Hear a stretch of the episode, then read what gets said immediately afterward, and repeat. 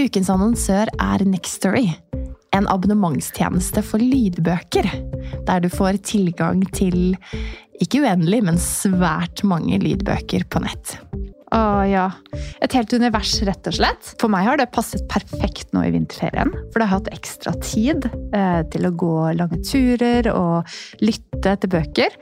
Og så har jo vi en date i kveld, eh, Ingvild. Eh, vi skal på teater og se Anna Karenina.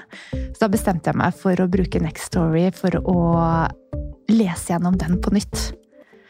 Og det er bare helt fantastisk roman fra 1870-tallets Russland som jeg anbefaler alle å utforske, fordi den er like aktuell nå i 2024 som eh, den gang den ble skrevet. Men det er jo så fint, da, ikke sant? Og uavhengig av om eh, man har vinterferie eller mer tid til overs, så har man også disse små lommene i hverdagen. Du kan ha boken på øret, og du kan brette tøy, eller du kan sette på en klesvask, en oppvask, whatever og dykke inn i dette universet. Og det er jo det som er så fint.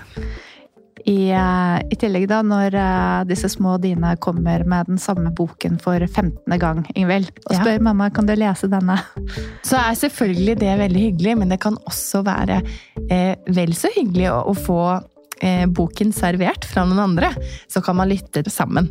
Eh, vi har hørt mye på Albert Aabergs lydbøkene i Nextory, for det er et univers som både min femåring og min toåring elsker. Ah, det er fantastisk. Man kan finne så mye flotte verdener og opplevelser i gode bøker. Og du som lytter til oss, kan nå få seks uker med fri tilgang til Nextory hvis du går inn på linken nextory.no engler. Så gå inn der. Bli med oss eh, og utforsk bokuniverset, og så håper jeg at du har like stor glede av det som vi har.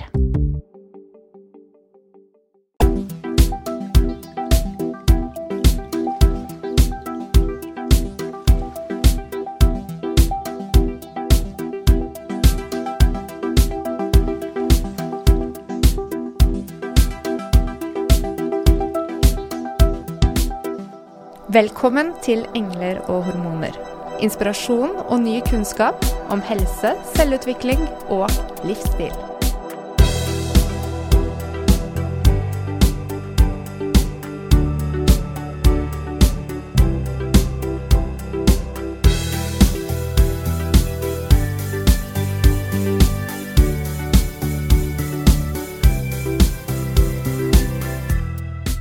Verden endrer seg kanskje heldigvis.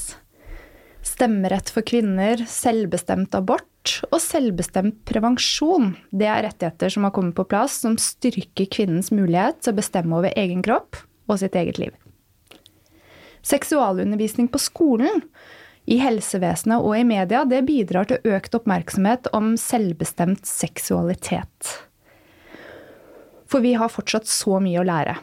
Og vi har fortsatt mye å akseptere og ikke minst rettigheter å ta vare på. Som eksempel kjønnsidentitet, likestilling på tvers av kjønn, etnisitet, religion og alt annet som definerer oss inn i grupper i samfunnet.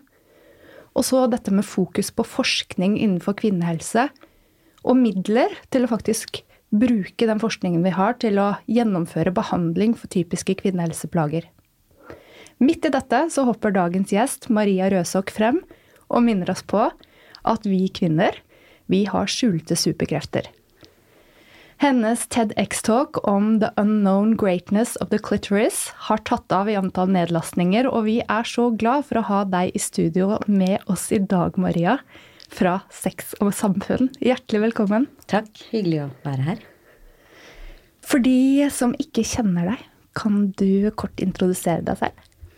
Ja, mitt navn er da Maria Røsåk, eh, og jeg er daglig leder i Sex og samfunn. Um, utrolig heldig som får lov til å ha den jobben, for det er uh, utrolig spennende. Litt tilfeldig at jeg havnet her. Jeg er den omtrent den eneste som ikke er helsepersonell som jobber der. Men det er også veldig spennende å få lov da å, å, å omgås de som er så utrolig dyktige, flinke. Og jeg lærer noe på jobb hver eneste dag. Det gjør vi òg. Og så lærte vi noe av deg. For det er ikke så lenge siden vi var så heldige å overvære et foredrag eh, med deg på en konferanse rett før jul. Og så har vi blitt oppmerksom på at eh, du har eh, blitt lastet ned nå er det over 500 000 ganger etter din TEDX-talk. Ja, og det er jo overraskende egentlig, men det, er jo, det sier noe om hvor viktig dette er. Grunnen til at jeg begynte med dette, og, og interessere meg, eller å, å, gjøre noe ut av dette med klitoris, er fordi jeg oppdaget at på min egen arbeidsplass, hvor det jo er helsepersonell, var det også mange som ikke visste uh, hvor stor uh, klitoris er, og hvor ja, alt det spennende rundt den, som heller ikke helsepersonell eller lærere eller omverden visste noe om. Mm. Eh, så den interessen våknet jo da. Så jeg, dette her, Denne kunnskapen må jo opp og ut, og hvordan kan vi få til det? Så den har vært både på Pecha Kucha og, og nå da på TEDx. Og, mm, ja, så vi, og så har vi hatt med oss artige folk på veien. Vi har jo hatt med oss Else Kåss Furuseth som fikk laget et klitoriskostyme. Um, så det er klart, sånne type ting gjør at det er lett å, å få satt fokus på det. Mm. For den er overraskende stor, og vi skal komme litt tilbake til uh, alt det morsomme man kan, uh, kan, gjøre med den etterpå. Men uh, først og fremst Sex og samfunn. 48 år. 48 år. Ja. Det ble startet for 48 år siden for kampen for fri abort. Det startet med frivillige som jobbet for å hjelpe kvinner til å kunne få tatt en abort. Eh, og det er jo overraskende for oss at vi 48 år senere må ta den samme kampen. At noen faktisk skal gå og prøve å endre abortloven, eh, som jo er 40 år i år, eller i mm. fjor. Mm. Og at vi fortsatt holder på med det, syns vi jo er overraskende og trist. Så, men vi er med og tar kampen for å, å kjempe for kvinners rettigheter. Mm. Og ikke minst å lære bort både helsevesen og og elever, ikke minst ungdom, til mm. hva en god seksuell helse er. Absolutt. Det er eh, Altså vårt overordnede Vår overskrift er frihet fra skam og frihet til å velge. Mm. Eh, det er derfor vi går på jobb hver dag, og det er det vi jobber med. Og det Sex og samfunn gjør, er på en måte tredelt. Vi jobber klinisk. Vi har en, en klinikk i Oslo, på Grünerløkka, hvor vi i fjor hadde 35 000 besøk. Det er altså egentlig altfor mye. Jeg har ikke kapasitet til det, men det sier noe om hvor viktig det er at så mange kommer. Mm. Og hvorfor kommer de da til dere eh, på denne klinikken? Ja, det er eh, så mangt. Veldig mange kommer for å få prevensjon.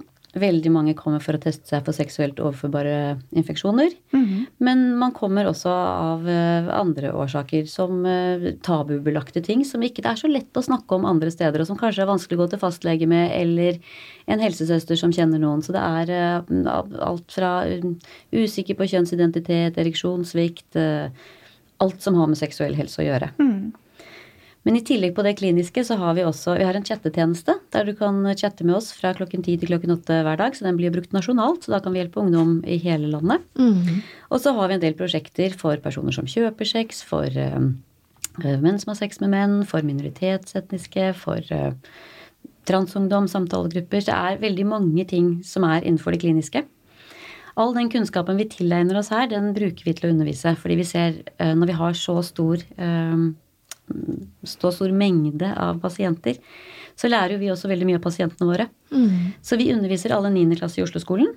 Eh, de får to og en halv time av oss.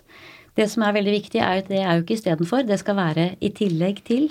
Og det ser vi dessverre altfor sjelden at det er. Det kan vi gjerne, gjerne komme litt tilbake. Vi har hatt noen spennende undersøkelser rundt dette. Mm. Og så underviser vi helsepersonell i hele landet. Så vi reiser fra nord til syd og underviser i, eh, i, det det måtte være behov for. Mm. Veldig mye rundt LARK, altså langtidsvirkende prevensjon, p-stav og spiral, mm -hmm. som jo er uh, den beste prevensjonen for veldig mange.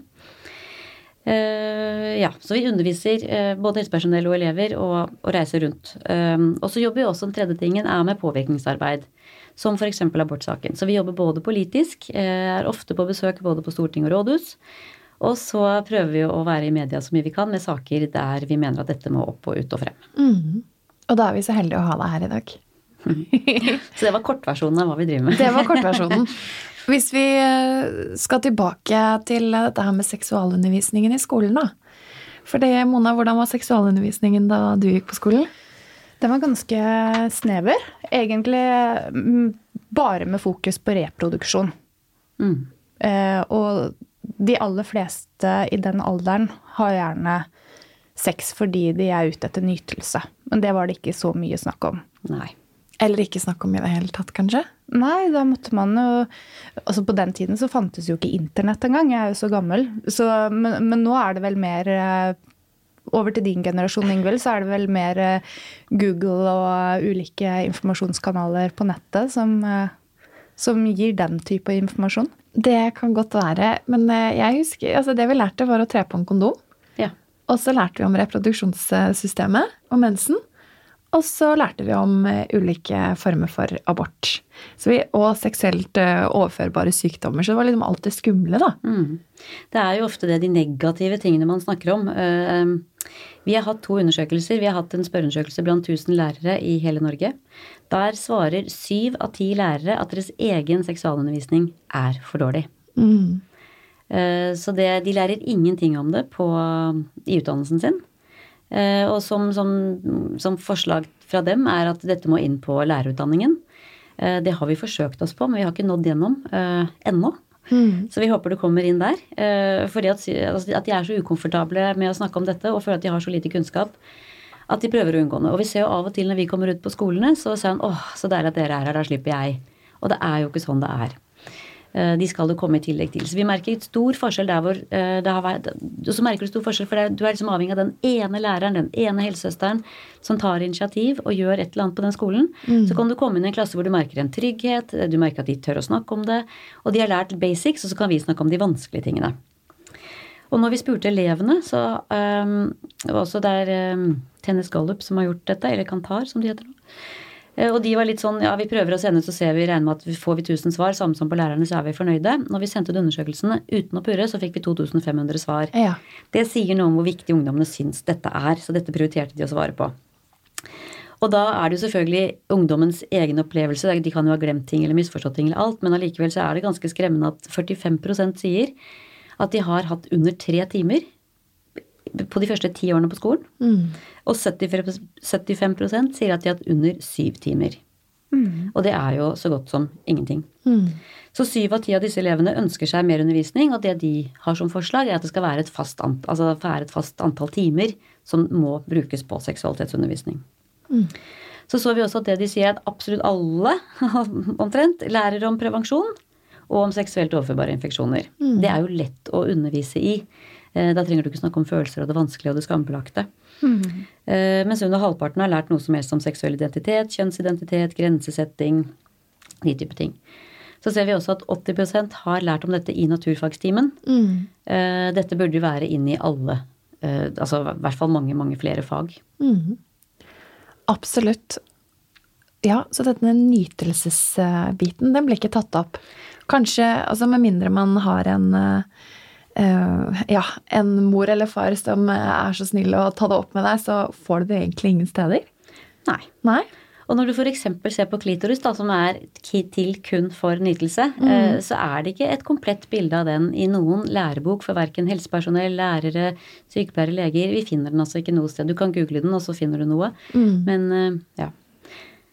Det er ganske fantastisk, for anatomien har vært ganske konstant Eh, i lang, lang tid. Og, og, vi ser jo mye anatomisk forskning, men altså akkurat dette organet, mm.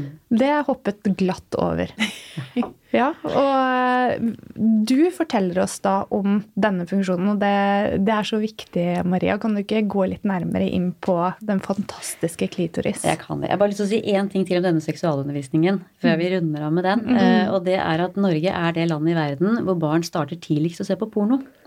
Ja. Fordi alle har en tilgjengelig duppeditt. Så om foreldre setter på filtre på skoler og hjemme og alt, så vil Altså det er tilgjengelig hvis de vil. Mm -hmm. Så det betyr at barn ned i tiårsalderen eh, ser på pornografi i Norge. Ikke ser på det aktivt og bruker det, men de har tilgang på det. Mm -hmm. Og det gjør at det er enda viktigere å ha seksualitetsundervisning. Eh, og informere de om eh, hvordan ting skal være og ikke være. Og man må også snakke med barn om porno. Man må fortelle de om eh, om forskjell på fantasi og virkelighet. Eh, og kanskje fortelle de på et eller annet stadie også hva som Ja, fantasi og virkelighet. Det er ikke alle kvinner som, som nødvendigvis liker å bli sprutet i ansiktet, og man må ikke ha analsex første gang man skal ha sex. Alle disse type tingene som det kan se ut som i pornoen. Mm. Eh, og også dette her med hvordan man skal se ut. Hvor stor penis man skal ha, og hvor synkrone og lyserosa og, og vakre kjønnslepper man skal ha. Ja, nettopp fordi at det gir rett og slett et urealistisk bilde, det vi ser i pornografi og i, på nettet, rett og slett. Og det ser vi jo at kvinner er opptatt av f.eks. med kosmetiske Ja. eh, operasjoner.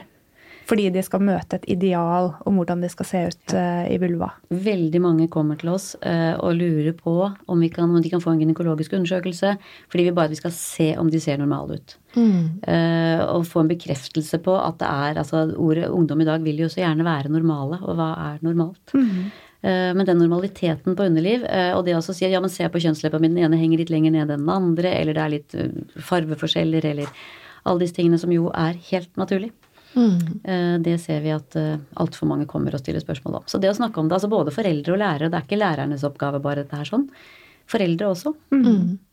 Og så for å se her, så da må man bli kjent med sitt eget underliv først for å kunne stille spørsmålet. Altså det å faktisk ta en titt og se hvordan man ser ut nedentil, er jo eh, ofte en start for å bli kjent med seg selv. Ja. Dette her snakker vi også med niendeklassingen om når vi er ute og, un og underviser. Eh, sett deg ned, ta et speil, se på deg selv, se hvordan du ser ut, ta på deg selv, bli kjent med hva du liker og ikke liker. Mm. det er viktig.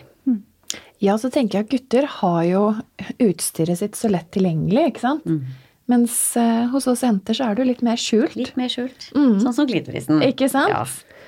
Og det er jo veldig mange som kommer sånn etter at man har gått gjennom en endringsprosess som f.eks. svangerskap og fødsel, og er veldig opptatt av også eh, Er jeg ødelagt der nede nå? Ser jeg ut som jeg skal? Og hvis man da ikke vet hva som er normalt, og hvordan man så ut før, så er det også veldig lett å begynne å stille spørsmål hvis man skal sammenligne seg med disse bildene Ja. som man ser eh, på plastiske kirurgisider. Og tilbudene er jo helt enorme. Det, altså, det kryr jo av, eh, av folk som vil operere, og som lett forteller deg at det her kan vi godt pynte litt. Mm. Men der har jo Sex og Samfunn et eh, fotoprosjekt. Du, det har vi. Ja. Eh, Det, er, eh, det er veldig gøy. Fordi vi ser pågangen av alle disse her som ønsker å komme og operere seg, så har vi laget et prosjekt sammen med Skeiv Verden som heter Viva la vulva. Det er rett og slett for at vi har tenkt at hvis du tar 200 ansikter og setter dem ved siden av hverandre, og så spør du hvilke av disse ansiktene her er normale, så er det ganske vanskelig å si. Det er veldig store variasjoner på de ansiktene. Neser, øyne Altså, vi er jo forskjellige. Så det vi gjør nå, er at vi samler sammen tilsvarende mengde bilder av vulvar. Og så setter vi opp de, og så spør vi hvilke av disse vulvaene er normale. Og så vil man se like store variasjoner på en vulva som man ser på ansikt. Og den er ganske fantastisk, denne fotoputen, da. Den er fantastisk. Det Ja. er, eh, på Kunsthøgskolen så har de sydd et forheng som jo er en vulva. Utrolig vakker. Det er altså Susanne Øvergaard fra Skeiv Verden og Kaja Glenne Lund fra Kunsthøgskolen i Oslo som har vært med på dette sammen med Sex og Samfunn. Det var deres initiativ, faktisk. Um, og så har vi laget denne boksen som man da går inn i. Man tar da dette forhenget til side, går inn. Der står det en gullstol. Under gullstolen er det lys og et kamera. Så man tar av seg buksene, setter seg ned på denne gullstolen som da har et hull i midten, og så trykker man på en selvutløser, og så tar man bilde av vulvaen sin. Og dette da skal brukes som dokumentasjon. Dette er ikke et nytt fenomen. Det er gjort i Danmark tidligere. Eh, Kusomaten het den i Danmark. Eh, Så vi har på en måte bare kopiert de, men det er jo fordi at det er, eh, det er jo ikke, den kampen er jo ikke over. Vi må jo bare fortsette å sette fokus på det, så nå gjør vi det i Norge. Mm. Hva er det som er målet, da? Altså Målet er jo uh, å skape debatt rundt dette og altså, normalisere. Eh, vi ønsker at antallet som kommer og ønsker uh, operasjoner, skal gå ned. Vi vil, altså, vi vil at folk skal bli kjent med sitt eget underliv og akseptere det og bli glad i det sånn som det er. Litt sånn som man skal bli i resten av kroppen og, og det man, den man er. Eh, og så ønsker vi å skape stolthet til, til underlivet sitt. Vi ønsker å fjerne skam, og så ønsker vi å sette fokus på det positive. Og gjerne på onani og, og på klitoris og det som også eh, ja, er. Høre med. Og så var det kanskje et ønske om å stille ut på Rådhusplassen? Vi har høye mål for dette. Det, altså, vi, nå samler vi bildene, og så skal vi se hvordan vi skal behandle det, hva vi skal gjøre. Eh, men ja, absolutt. En, en fotoutstilling på Rådhusplassen er eh, Det syns vi må til. Det har også mm. vært mange andre debatter. Hva skal vi bruke det til? Kan vi lage sånn lottospill, eller kan vi Ja, kan ikke vi sant? Ja. Så det er masse å gjøre med disse bildene. Men det å få normalisert dette, det er det, det er det vi ønsker oss. Det å få altså, et, et at det er så mange kvinner som misliker denne delen av kroppen sin av en mm. eller annen grunn. Og vi tror det handler om da mangel på kunnskap. Så det å få det til å føles bedre, altså få et bedre forhold til egen kropp og egen seksualitet, egentlig. Mm. Og så er det viktig for oss at um, alle med vulva kan ta bilder i denne boksen. Mm. For noen tenker ja, men hva er det noen menn som har prøvd å snike seg inn? Så er det sånn, vet du, Vi har hatt flere menn inne i boksen, men vi har kun hatt menn med vulvar som har tatt bilde. Mm. mm. Og det er med litt med identitet å gjøre, kanskje? I forhold til også dette som, som nå er med At det er mer åpenhet for å, å, å, kunne komme frem med ulike typer kjønnsidentiteter. Der er dere tilgjengelige på Sex og samfunn? Det er vi. Eh, vi ser fremdeles at det er stor Altså mye skam og tabu og, og ting knyttet til dette også. Mm. Så vi, vi, gjør, vi, jobber også med å få det opp og frem. Nå var det en rapport som ble lansert forrige uke, eh, som snakket om livskvaliteten til LHBTIQ. Mm. Personer. Så som fastslo at de har det de har det vanskeligere enn andre. Mm. Så det å sette fokus på det og, og få samfunns... Dette handler også om mangel på kunnskap fra folk mm. flest. mm. Ja, og det gjør jo det. Igjen så er jo dette kanskje for lite fremme både i media, og det har i hvert fall ikke vært til stede på skolen for våre generasjoner. Sånn at det å komme ut og frem med mer informasjon om at her har vi ulike grupper mm. som man kan tilhøre, og man kan ha ulike identiteter som, som man kan også møte andre i samme situasjon, og at det er rett og slett samfunn for dette. Ja. Men også når man skal krysse av på alle mulige skjemaer. Mm -hmm. Mann, kvinne. Mm -hmm. Burde man hatt en kategori til de fleste steder? Ja. Man burde vel det. Mm. mm. Absolutt. Ja. Merking av toaletter. Altså det er mange steder som er veldig sånn man stereotyper eh, mann-kvinne. Ja. Mm. Og eh, vi hadde en sexolog her for eh, en tid tilbake og det hun, som, hun, snakket om som var positivt i forhold til de som identifiserer seg utenfor altså den normative heterofile gruppen, det er at de ofte har gjort en reise med sin egen identitet og stilt seg spørsmål som gjør at de er mer bevisst eh, hva de trenger. Mm. Også spesielt når det kommer til seksualitet. Mm. Og der ligger vi kanskje litt etter som heterofile i forhold til å være bevisst på egen nytelse og hva vi trenger for å ha en god seksuell helse. Mm. Eh, absolutt. Der har vi sikkert noe å lære. Det er en studie, eh, en amerikansk studie fra Chapman University, Indiana University og Kinsey Institute som inkluderte 52 000 personer. Og den viser at det er en ganske stor forskjell på eh, lesbiske og, og streite kvinner når det kommer til orgasme. Eh, den sier at 65% av heteroseksuelle kvinner får vanligvis eller alltid orgasme når de er seksuelt intime. For lesbiske så er dette tallet altså 86 mm. Det er 21% mer. Det er ganske mye. Mm. Og det handler jo om bevissthet.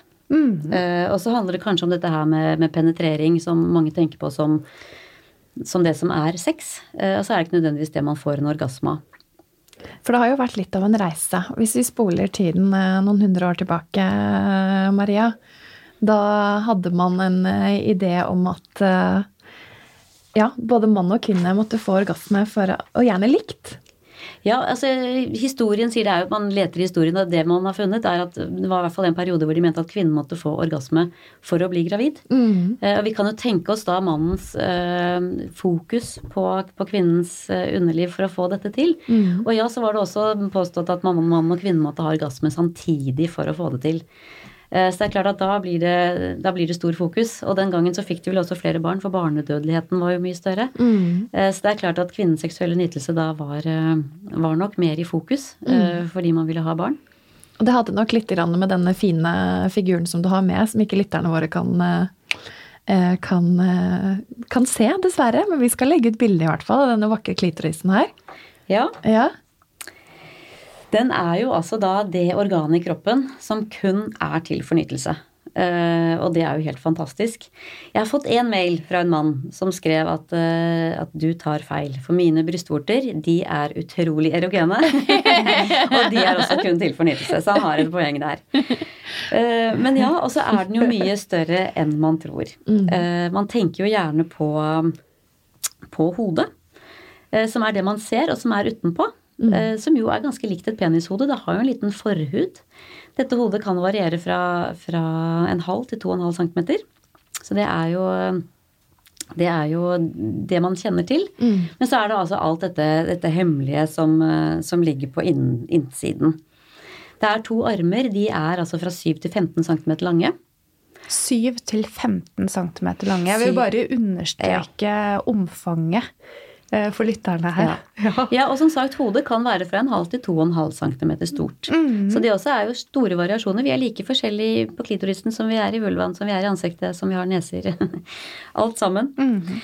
Men så er det jo det da dette ukjente som er disse armene, og disse to eh, støtdemperne, eller klitorisputene, som er på innsiden. Mm. Og dette er jo et svampelegeme på samme måte som penis, så det fyller seg jo opp med blod. Og det som er at hvis en kvinne da ikke er eh, opphisset og kåt, eh, så vil ikke disse to støtdemperne fylle seg med blod, og da vil det være vondt å bli penetrert. Så det har jo en veldig fin funksjon også. Eh, og så vet vi jo at en penis f.eks. er jo veldig følsom. Mm. Har, mange kjenner til det. Um, og da er det altså sånn penis har 4000 nerveender, mens klitoris altså har 8000. Mm. Dobbelt så mange. Dobbelt Så mange. ja. Så klitoris er ekstremt følsom. Altså vår mest erogene sone på kroppen blant begge kjønn.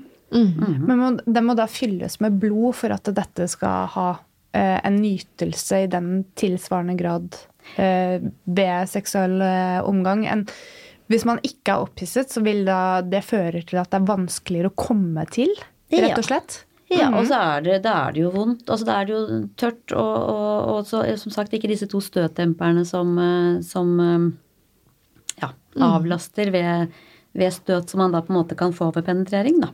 Så ja til eh, gode vorspiel? Ja til gode vorspiel. og nei til å kompensere med glidemiddel for å presse seg gjennom noe man ikke har lyst til. Ja, Men mm -hmm. glidemiddel er ofte til god bruk, så det er, ikke, det er, egentlig ikke nei til glidemiddel. Men det er viktig mhm. at man er Det er viktig å bruke tiden på å bli kåt og, og, bli Som fyller seg med blod på samme måte som penis gjør. Mm -hmm. Mm. Og når vi liksom vet da hvor stor den er, og, og hvor langt den strekker seg innover i kroppen, så tenker jeg altså at vi kan jo slutte nå å snakke om klitoris eller vaginal eller G-punktsorgasme. Eh, G-punktet er det jo Fins det jo ingen forskning på at faktisk finnes. Hva er det egentlig? Og hvis du googler det, så får du jo tusenvis av svar. Mm. Eh, men, men, men, ingen forskning forklarer hva eller hvorfor. Så det man heller kan tenke, er at klitoris er jo der overalt, hvor enn du tar. Og den kan jo stimuleres da fra mange kanter og ja. Så klitoris er involvert, så en orgasme kan vi snakke om. Vi trenger ikke også drive og kategorisere de i vaginal eller ja, G-punkt eller klitorisorgasmer. Ulike måter å stimulere klitoris fra. Ja, egentlig. Ja. Det vil jeg si. For den er så stor at det der kan det komme til fra flere, flere kanter. Ja. Uh -huh.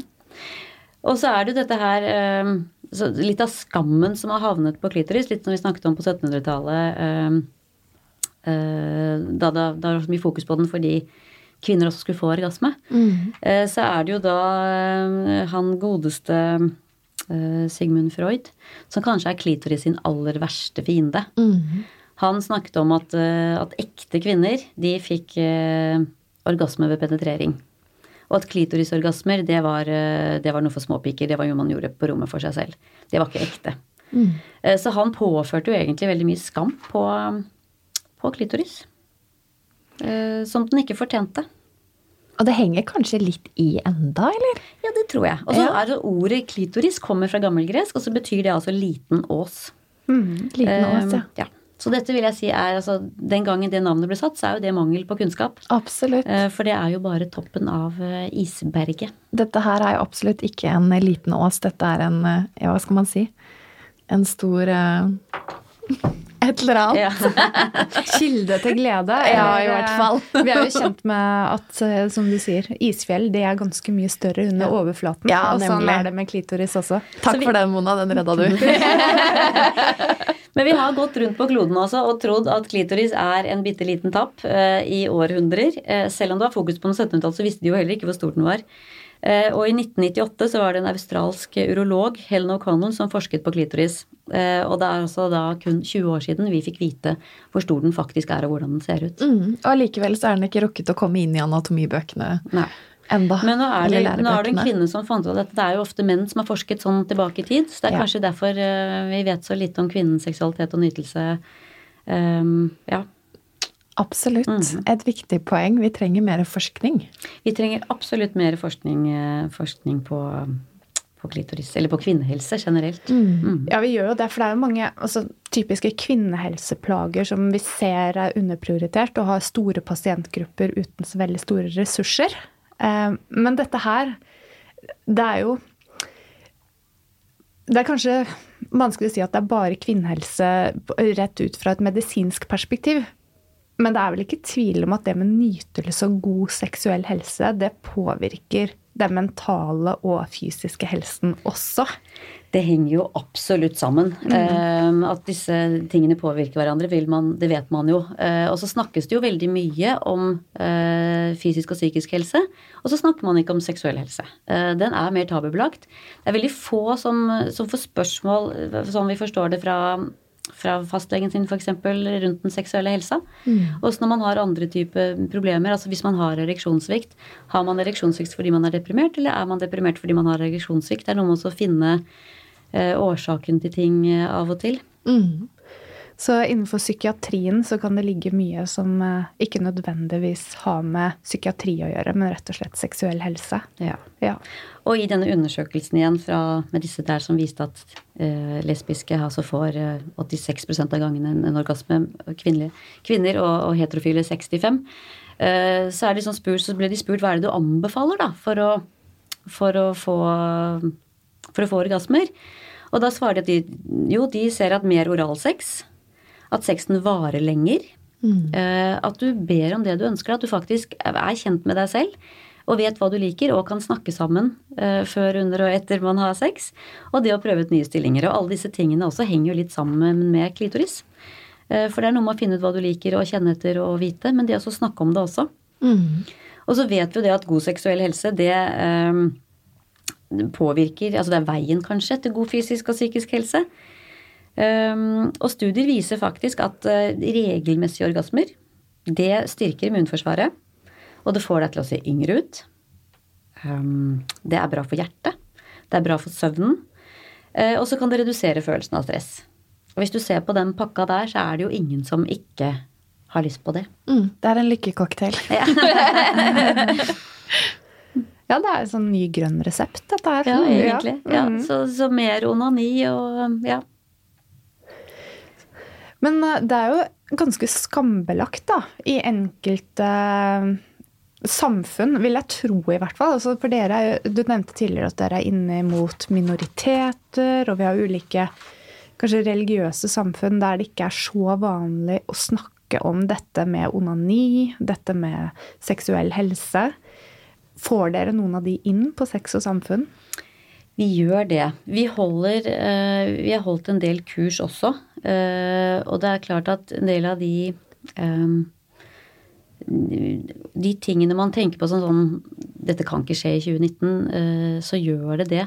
Den tanken om at, at når man har lært at, at kanskje særlig som menn, at hvis du onanerer, så bruker du opp sædceller, eller Eh, du, altså, ja, det kom et spørsmål om på en måte, bruker jeg opp muskelmasse, hjernemasse altså Det er helt utrolige ting som er eh, putta inn på det å onanere og få en utløsning.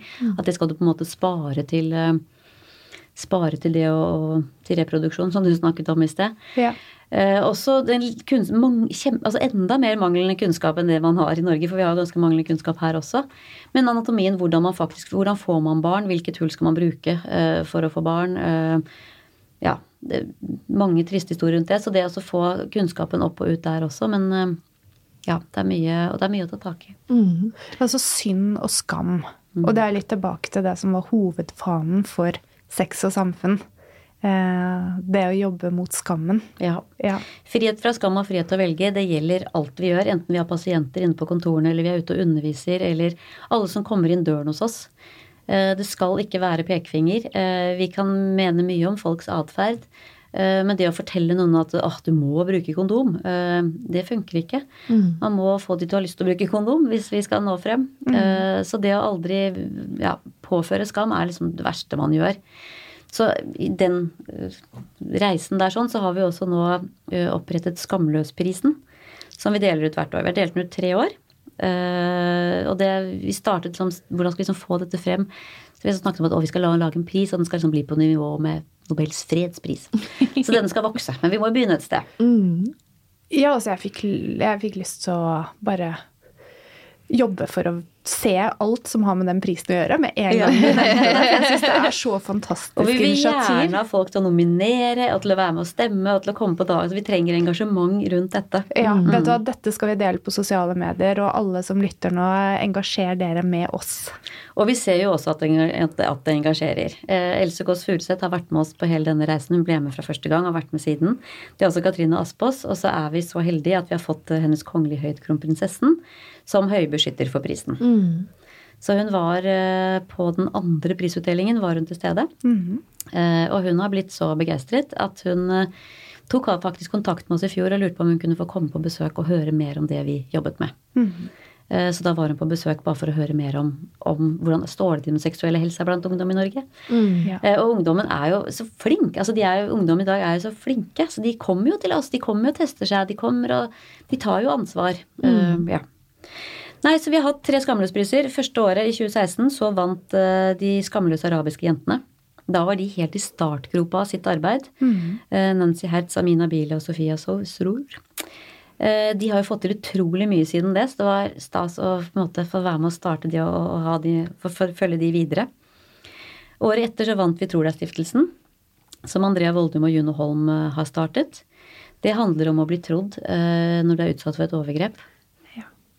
Det er jo så uh, mange som anmelder, og det er så mange som ikke blir dømt, og det er så mye som skjer rundt dette. Og de snakker om dette her å bli trodd av noen. Uh, så vi tror det er stiftelsen er et initiativ for å, å, å hjelpe de som har blitt utsatt for det, og som opplever å ikke bli trodd fordi det aldri blir en dom eller skjer ikke noe med anmeldelsen. Eh, Så de vant andre året. Så utrolig viktig. Både 'jeg tror deg' og 'jeg ser deg' for den gruppen. Ja. Mm. Og så hjelper de også inn i til å faktisk anmelde og til å hjelpe folk videre. Fantastisk organisasjon. Eh, Og i fjor så vant eh, Karina Karlsen, som jobber for kroppspositivisme. Hun holder jo foredrag og og blogger og har en podkast også. eh, Og snakker mye om retten til å elske seg selv for den man er. Så det er sånn at det er Vi setter opp en jury som, eh, som, eh, som er med å stemme frem topp tre. Så alle nominasjonene, altså vi sender det ut. Så nominasjonene kommer fra folket. Og så er det en jury som stemmer frem topp ti, og så topp tre. Og topp tre sender vi ut igjen, og så er det folk igjen som bestemmer hvem som faktisk skal vinne. Og når er det dere vil ha nominasjonene inne? Eh, ja, Vi skal vel begynne med det nå om ikke altfor lenge, og sende ut for nominasjon. Men det kan man bare sende når som helst. Send det gjerne til, eh, til maria at sexogsamfunn.no. Jeg tar imot eh, nominasjoner. Fantastisk. Ja, Det går direkte til lederen. det går, ja dette her er, dette her er veldig viktig arbeid. Ja. Så, så det er eh, Og så er det 4. september som er eh, prisutdelingen. Det er eh, verdens seksuelle helsedag. Så den eh, er fast 4. september at det er prisutdeling. Ja, kroppspositivisme, det er eh, altså så viktig. Jeg tenker eh, noe så grunnleggende som å lære seg å bli glad i seg selv. Den kroppen man skal leve med hele livet. Og i tillegg lære hvordan man skal nyte den. Det er jo bare så viktig. Og så er det jo mye press i dag på kroppsutseende, både for gutter og jenter. Eh, ja, I alle sosiale kanaler. Ja, det er så mange steder å få input på hvordan man skal se ut. Eller bør. Ja. Skulle, burde, måtte. Det er alle de ordene som vi helst ikke vil ha. Ja, De kan vi fjerne fra vokabularet vårt. Ja. I forhold til det å være forelder, tenker jeg, og skulle ta noe ansvar i forhold til barna sin opplysning om seksuell helse. Har du noen forslag til hvordan man kan begynne å legge dette inn fra tidlig alder? Har du noen råd til oss småbarnsforeldre? Ja, eh, altså både foreldre og helsepersonell og alt. Eh, altså vi anbefaler seksualundervisning fra barnehage til russetid. Eh, og da i barnehagen skal du selvfølgelig ikke lære om eh, eh penetrering. Men det å lære om, om, hva ting på kroppen heter, det å putte normale, det å kalle det for, for vulva, det å kalle det for det det faktisk heter, ikke sånne tøysenavn på det. Mm. Eh, og det å lære om eh, De har et fantastisk prosjekt eh, i Sortland kommune som heter Æ mæ. Æ mæ. I forhold til å forebygge for, overgrep. Hvor de har startet opp akkurat dette med Da har de faktisk seksualundervisning, holdt jeg på å si. De starter med foreldre med babymassasje. Og så holder de på til russetid. Med bevisstgjøring rundt dette. Mm. Eh, og det å lære om gode og vonde hemmeligheter, f.eks. For, eksempel. Mm. for barn som er utsatt for overgrep, har jo ofte blitt fortalt at dette er vår hemmelighet, og ikke si til noen og sånn type ting. Eh, gode og vonde. Dette er hva som er godt for deg og riktig for deg, og at det er du som bestemmer over din egen kropp, at du skal sette grenser for deg selv. Dette kan man lære barn veldig tidlig, også mm. som forelder. Mm. Så det å prøve å normalisere litt jeg ser på foreldre av mine venner, når du snakker, har du snakket med barna om dette, så bare nei, det er ikke vår oppgave. Det er så fort gjort å fraskrive seg det ansvaret som forelder. Um, men vi er jo nærmest disse barna, så vi, vi burde snakke om det. Og hvis mm. man gjør det litt sånn jevnt og trøtt fra de er små, så blir det jo ikke så flaut å ta den store praten som mange snakker om, og da er det gjerne altfor sent i tillegg. Det er jo akkurat det, og som du sier, dette her med babymassasje og sånn også, som er ja, det handler om tillitsfull berøring. Ja. Mm. Og denne babymassasjen kan jo bli barnemassasje. Mona sendte en herlig film av, eh, av Nora, som etter hvert eh, har eh, på tre år, som masserer mammaen sin også. Jeg lærer alle barna mine å massere. det Jeg skal ikke si at det er helt uselvisk, men det er i hvert fall noe som fungerer fint hjemme hos oss. Mm. Men også det å lære de å bruke helsesøster på skolen. Det er jo fantastisk mye flinke mennesker der ute. Mm. Og det å fortelle barna at dit kan du også gå og prate om ting. Helsesøster er, uh, er flink til å snakke om disse tingene. Absolutt. Uh, mm -hmm. Man må bare vite hvilken dag helsesøster er til stede på skolen. Absolutt. Nå har jeg småbarn i, barn i småskolen. Jeg må si at det har skjedd en ganske stor endring fra jeg selv gikk på skolen og frem til nå. Og jeg skal gi applaus til min lokale skole, Slemdal skole, for å virkelig ta fysisk og psykisk helse, og ikke minst det psykososiale miljøet på alvor. Mm. Og, og den seksuelle helsa, eller? Der har vi ikke vært så mye ennå. Men jeg, jeg, skal ikke utlevere min skole i forhold til det. fordi det kan godt være at de har en plan på det. De har i hvert fall en veldig engasjert eh, både rektor og helsesøster som jobber aktivt for mm. barna. Så bra. Mm. Ja, og det er som sagt mye flinke helsesøstre. Vi, har, eh, vi, er så heldige å ha de på hospitering hos oss på klinikken. Mm. Så vi har en 150 helsesøstre som reiser fra I fjor hadde vi fra alle fylker bortsett fra Svalbard. Som kommer og er med oss en kveld på klinikken mm. og ser hvordan vi jobber, og er med oss ut på undervisning neste morgen uh, til niendeklassinger. Mm. Uh, men når de er på besøk hos oss, så lærer jo også vi mye av de. Så det er veldig, det er veldig fint. Og det er, ja, det er mange som vil hjelpe ungdom med dette. Ja, kjempebra. Så mm. tenker jeg det er jo en forskjell på Oslo som en storby og en liten bygd eh, hvor alle kjenner alle. Så jeg tenker igjen på denne chattetjenesten som dere også tilbyr, som er eh, et fantastisk tilbud for de som ja. ja. Mm. Og vi ser den blir mye brukt. I fjor hadde vi 12 800 samtaler. Mm. Det er ganske mye. Eh, det var en økning på 55% faktisk fra året før. Eh, det vi ser der, er at fire av ti samtaler handler om prevensjon. Ja. Så det er veldig mange spørsmål rundt prevensjon. Veldig mye uh, har glemt en pille, når kan jeg ha sikker sex, uh, type ting. Så det vi gjorde i fjor, var at vi lagde en chatbot. Så vi har laget en robot. Uh, den svarer kun på spørsmål om prevensjon. Så det er klart det er mange som prøver seg der på å spørre om andre ting. Da svarer den ikke. Og en robot er jo en robot. Vi begynte å jobbe med dette. Vi hadde sånne veldig store forhåpninger teknologien har ikke kommet så langt som det vi skulle ønske oss. For den er ikke så smart. Det er bare et enkelt veldig avansert søk. Men det vi er, har gjort nå, er at vi har predefinert en del av de vanligste spørsmålene. Fordi vi sitter med all erfaringen vår fra chatten, så vi, har vi klart å lage spørsmål som på en måte gjør at du kan klikke deg nedover. Eh, og den, er, den ble lansert i desember, så den er ikke så gammel. Så den, må, den trenes jo hver dag for å bli bedre. Mm. Eh, men vi har en 50-60 samtaler der om dagen. Eh, så den, vi håper at det skal bli også et hjelpemidler Eh, så for den er jo oppe 24-7, så da kan du få spørsmål, nei, få svar hele, hele, hele døgnet. Mm. Mm. Kjempebra.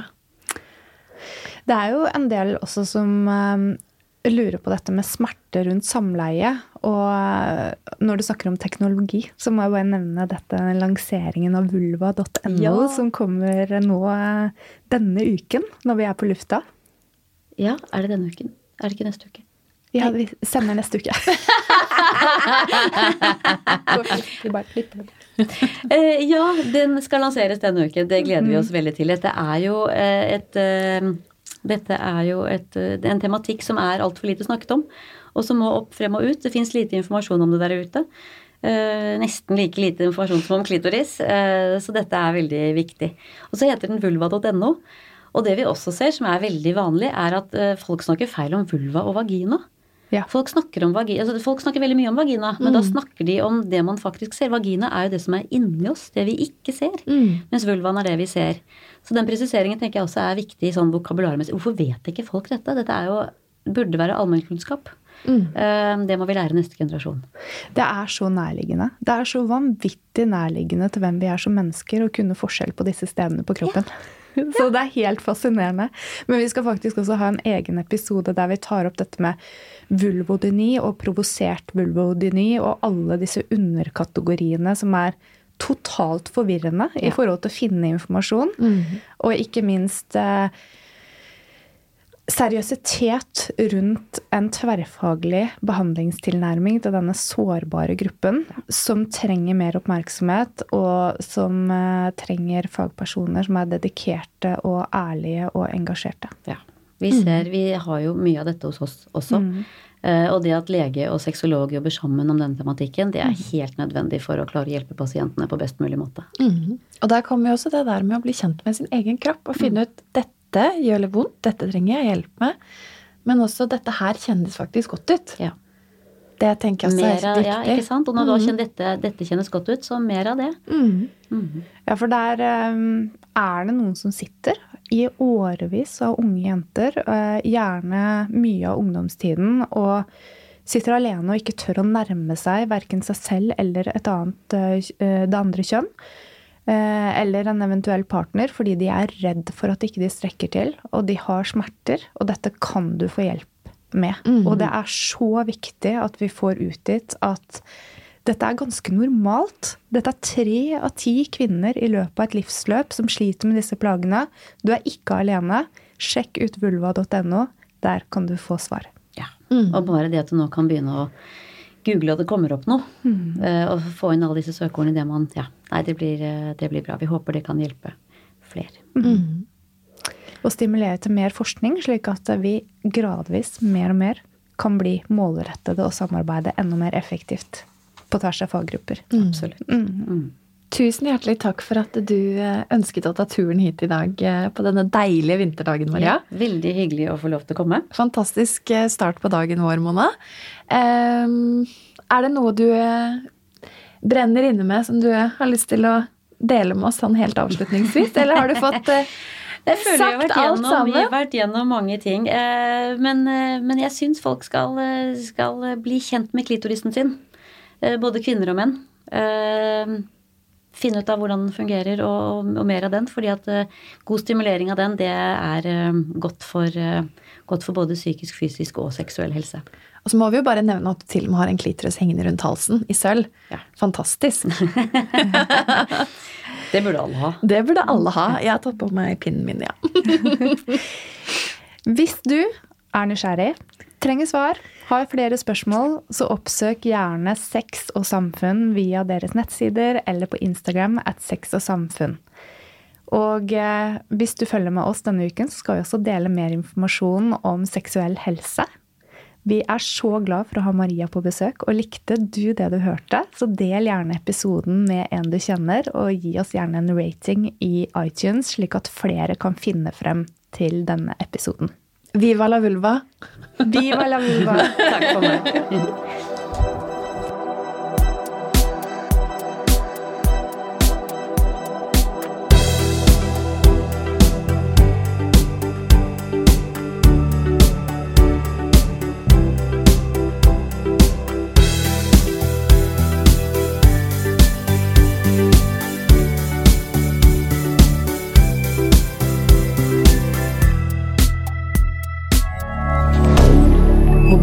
Moderne media.